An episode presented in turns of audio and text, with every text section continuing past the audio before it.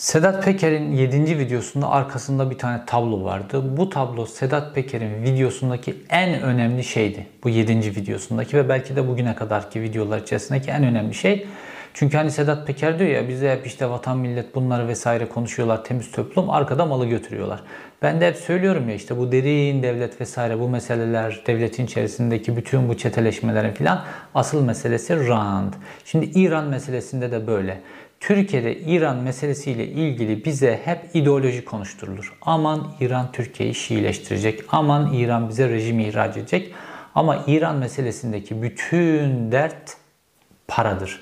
Çünkü İran'da diktatör bir rejim var. İran halkına zulmeden bir rejim var ve bu İran'ın diktatörleri, bu şahları, mollaları rejimlerini devam ettirebilmek için kara para ihtiyacı var.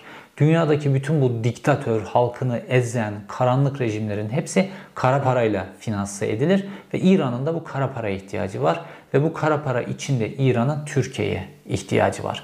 Şimdi Türkiye bugüne kadar ne kaybettiyse aslında bunda hep İran'ın bir rolü vardır. Çünkü İran Türkiye'deki bütün bu karanlık, yasa dışı, illegal yapılanmaları besler çünkü İran Türkiye'nin böyle normal demokratik hukuk, hukukun işlediği bu kaçakçılık vesaire meselelerine izin verilmeyen bir olmasını istemez. Bu kara para meselesi nedeniyle. Şimdi İran'la Türkiye'nin arasındaki kara paranın esası kaçakçılık. Bu kaçakçılığın 3 tane önemli kalemi var. 1. Afganistan'da üretilen ve İran üzerinden Türkiye'ye getirilen eroin. 2. Petrol. 3. Sigara. Şimdi Türkiye'de gidersiniz bir tane e, bayiye bana bir tane sigara ver dersiniz işte herhangi bir marka. O size çıkarır bir sigara verir. Fakat bu sigara çok büyük ihtimalle kaçak sigaradır. Ya da işte İstanbul'un, Ankara'nın, büyük şehirlerin en böyle bilinen yerlerinde bakarsanız kaçak sigara tezgahı kurulmuş. Buna normalde kaçak sigaraya operasyon yapıyor ya polis, asker, jandarma vesaire. Ya şehrin göbeğinde kaçak sigara tezgahı var. Ona zabıta, polis hiç kimse dokunmaz. Çünkü inanılmaz büyük bir çark. Çünkü Türkiye'nin petrolde ve sigarada çok büyük vergi oranları var. Bu büyük vergi oranları oradaki kaçakçılığı çok iştahlı hale, çok büyük bir ekonomik ranta, neredeyse eroin kadar büyük bir ekonomik ranta getiriyor. Kaçakçılık 3 ee, kaleme ayrılıyor dedim. Afganistan eroini, sigara ve petrol. Şimdi petrol kaçakçılığını da artık eskisi gibi katırlar filan üzerinden getirmiyorlar. Petrol kaçakçılığının bu limanlar vesaire bunların hepsine bunlar çöktükleri için petrol kaçak petroller artık tankerlerle, gemi tankerlerle getiriyorlar Türkiye'ye. Sonra onları işte üzerindeki vergiyi cebe indirerek Türkiye piyasasına sokuluyor.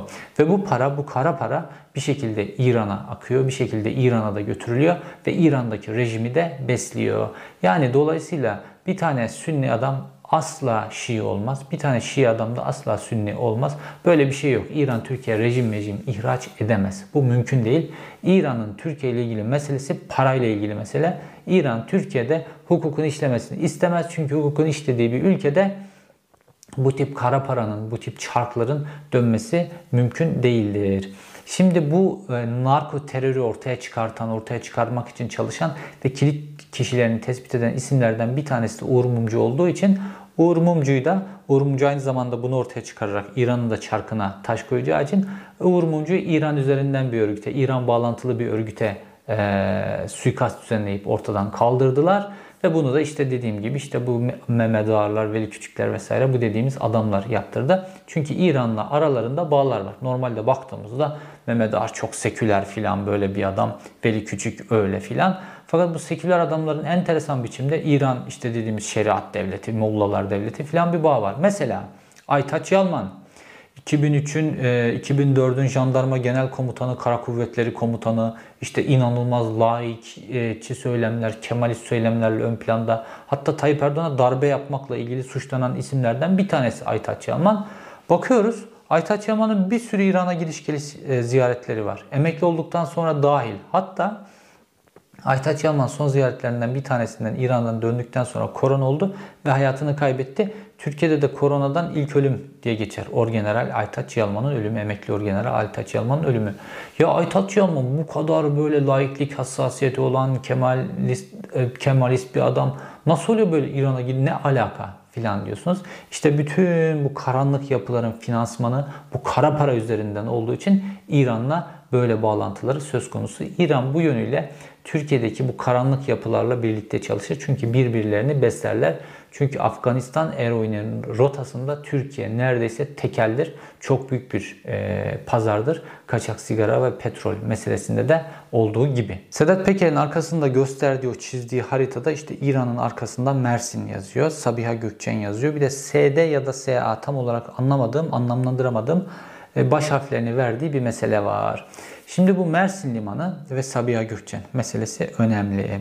Şimdi buralarda e, Türkiye'nin tabi devlet olarak bazı işler yapıyor. İşte çeşitli devletlerle yaptığı anlaşmalar filan nedeniyle özel kuvvetler ya da özel harp dediğimiz e, yere buralarda ya da işte Türk Silahlı Kuvvetleri'nin bazı operasyonlarıyla ilgili bazı limanlar ve işte bazı havalimanlarında onlara ayrılmış yeri vardır ve Sabiha Gökçen'le Mersin'de bunların en önemlisi. Mersin limanında işte bazı malzemeler görülür, onun ya da getirilir götürülür, araması yaptırılmaz. Sabiha Gökçen'de de öyle. İşte ne bileyim Türkiye yurt dışındaki mesela bir yeri destekler diyelim Bosna Savaşı'nda oraya bir şey gönderiyordur gibi şeyler. Yani iyi niyetlerle düşürülmüş, oraya oluşturulmuş alanlar. Şimdi fakat bu alanlar nasıl kullanılıyor? Nasıl işlerde kullanılıyor? İşte orada Sedat Peker, İran, Mersin ve Sabiha Gökçen limanı ve aslında özel kuvvetlerin alanlarının olduğu iki yere işarette bulunuyor. Bu son derece kritik bir mesaj. Ve Sedat Peker orada dikkat ederseniz başka konuları mesela Suriye konusunu da açıklayacağını söylüyor ama Suriye yetmezse İran'ı söylerim diyor oradan mesela ve arkasına işaret ediyor. Şimdi Suriye meselesine de daha tam değinmedi. Daha e, daha esas uyuşturucu meselesini derinleştirmedi. Suriye ile ilgili daha esas silah sevkiyatı meselesini derinleştirmedi ama Esas diyor ki esas bomba oraya arkasına çizmiş fakat onunla ilgili hiçbir şey konuşmuyor. Çok kızdırırsan onu açıklarım diye Süleyman Soylu'ya söylüyor. Süleyman Soylu'nun o konularla öyle çok alakası yok. Orada mesaj doğrudan işte Mehmet Ağarların, Veli Küçükler'in, bir zaman Sedat Peker'in de içinde olduğu işte o derin karanlık yapılanmaya doğru bir mesaj. İkincisi Tayyip Erdoğan'a doğru bir mesaj. Çünkü bütün o kara para ağından nemedananlar bu iki kesim. Dolayısıyla Sedat Peker orayı boşlukta bırakıyor fakat oradan bir tehdit gönderiyor. Niye? Sedat Peker'in kendisinin de şu an riskte e, olduğu durum aynı zamanda İran e, üzerinden riske atılabileceği bir durum. Şimdi bu karanlık yapıyı Sedat Peker kendisinin içinde bulunduğu durum itibariyle bu karanlık yapıyla ilgili bilgiler verdiğinde aynı zamanda tehlikeli de bir adam oluyorsunuz. Şimdi Uğur Mumcu nasıl bir şeyleri ortaya çıkartınca tehlikeli bir adam oldu ve İran üzerinden halledildi. Şimdi Orta Doğu coğrafyasında da suikastler düzenlemek konusunda İsrail'den sonra en tecrübeli ülke İran'dır. Şimdi Türkiye öyle Milli İstihbarat Teşkilatı öyle hava attıklarına falan bakmayın. Milli İstihbarat Teşkilatı gidip de öyle Dubai'de bir e, suikast falan düzenleyebilecek öyle bir kabiliyeti yok. Fakat İran'ın böyle bir kabiliyeti var. Ve hele de Dubai'de e, daha İran'da bir tane o, anlattım bunu size. E, oligark bile, uyuşturucu oligarkı bile işte Dubai'de bir suikast düzenletebildi çok rahat biçimde. E, dolayısıyla Sedat Peker açısından da kafasında hep duran bir şeydir o. İran üzerinden bana bir operasyon çekebilirler. Oraya o haritayı çizdiyse başka yerlere başka şekilde kanıtlar, kayıtlar belki de oluşturmuştur bununla ilgili. Dolayısıyla arkaya arkasını sağlam alıyor, arkasına koyarak oradaki esas bağlantı Türkiye'deki o bütün o karanlık yapıyı, bütün her şeyi anlayabilmemiz o İran'la Türkiye arasındaki o bağlantılar, orada dönen o kara para vesaire bunlar anlayabilmemizle mümkün olacak. Şimdi bunun yanına İran üzerinden dönen kara para, bütün o pislik, Türkiye'deki bütün demokrasiyi, insan haklarını, her şeyi bozan o yapı, hukuku bozan yetmiyormuş gibi bir de şimdi buna ikinci bir kol eklediler. Güney Amerika üzerinden kokain rotası, eroin rotası buradan, kokain rotası oradan. Eroin buradan batı ülkelerine gidiyor. İran üzerinden Türkiye batı. Kokain de e, Güney Amerika'dan geliyor. Türkiye üzerinden doğuya gidiyor, Orta Doğu'ya. Dolayısıyla Türkiye'deki demokrasiyi, hukuku tamamen yerle bir edecek yapı. Şimdi bu kadar para olunca bu kadar para girince ve bu kadar para da böyle adamların, Mehmet Ağar gibi adamların vesaire elinde olunca, Tayyip Erdoğan gibi adamların elinde olunca bunlarla normal bir savcı, normal bir polis, normal bir bürokrat bunların başa çıkması, bürokrasinin başa çıkması mümkün değil. Rüşvetli adam satın alırlar, adamın feleğini şaşıracak kadar çok para satın alabilir, verebilirler bu büyük paralarla her türlü suikasti düzenletebilirler. Rutin dışına öyle çıkar, çıkarlar ki rutin içerisinde kontrol edemezsiniz bunları. Hele de bir de zaten iktidar siyasiler bunların arkasındayken. Dolayısıyla devletler ülkelerine kara para sokma, kaynağı belirsiz para sokma konusunda neden hassastır modern devletler?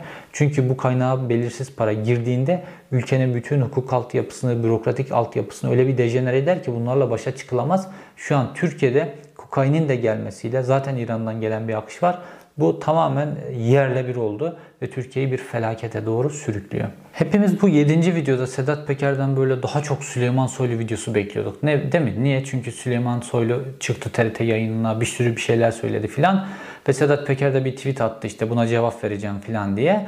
Ama Süleyman Soylu video beklerken Tayyip Erdoğan videosu çıktı karşımıza. İşte Binali Yıldırım, Tayyip Erdoğan'a en yakın adam onun üzerinden yürüdü. Milli İstihbarat Teşkilatı'nın yaptığı bazı işleri, işleri karın, karanlık işleri ortaya döktü. Uğur Mumcu suikasti, Kutlu Adalı suikasti filan bambaşka bir video. Ayrıca İran bağlantılı işler, uyuşturucu bağlantılı işler, Binali'nin oğlu filan çok başka bir şeyle çıktı ortaya. Şimdi bu kadar çok şeyle ilgili kadar kritik konularla ilgili Süleyman Soylu'nun solda sıfır kaldığı konularla ilgili bilgileri ortaya dökerek fakat tam detaylarını da böyle soruşturmaya dönecek detaylarını ortaya dökmeden e, anlatması Sedat Peker'in aynı zamanda çok sıkıştığını da gösteriyor. Sedat Peker bu kadar sıkışmasa bu Kutlu Adalı meselesiyle ilgili, Uğur Mumcu meselesiyle ilgili, İran meselesinin ucuyla ilgili, Binali Yıldırımlıoğlu ile ilgili meseleleri böyle ortaya dökmez. Yani orada Mehmet Ağar, Süleyman Soylu seviyesinde böyle kalarak işi götürebilirdi ama bu ne kadar sıkıştığını gösteriyor Sedat Peker'in.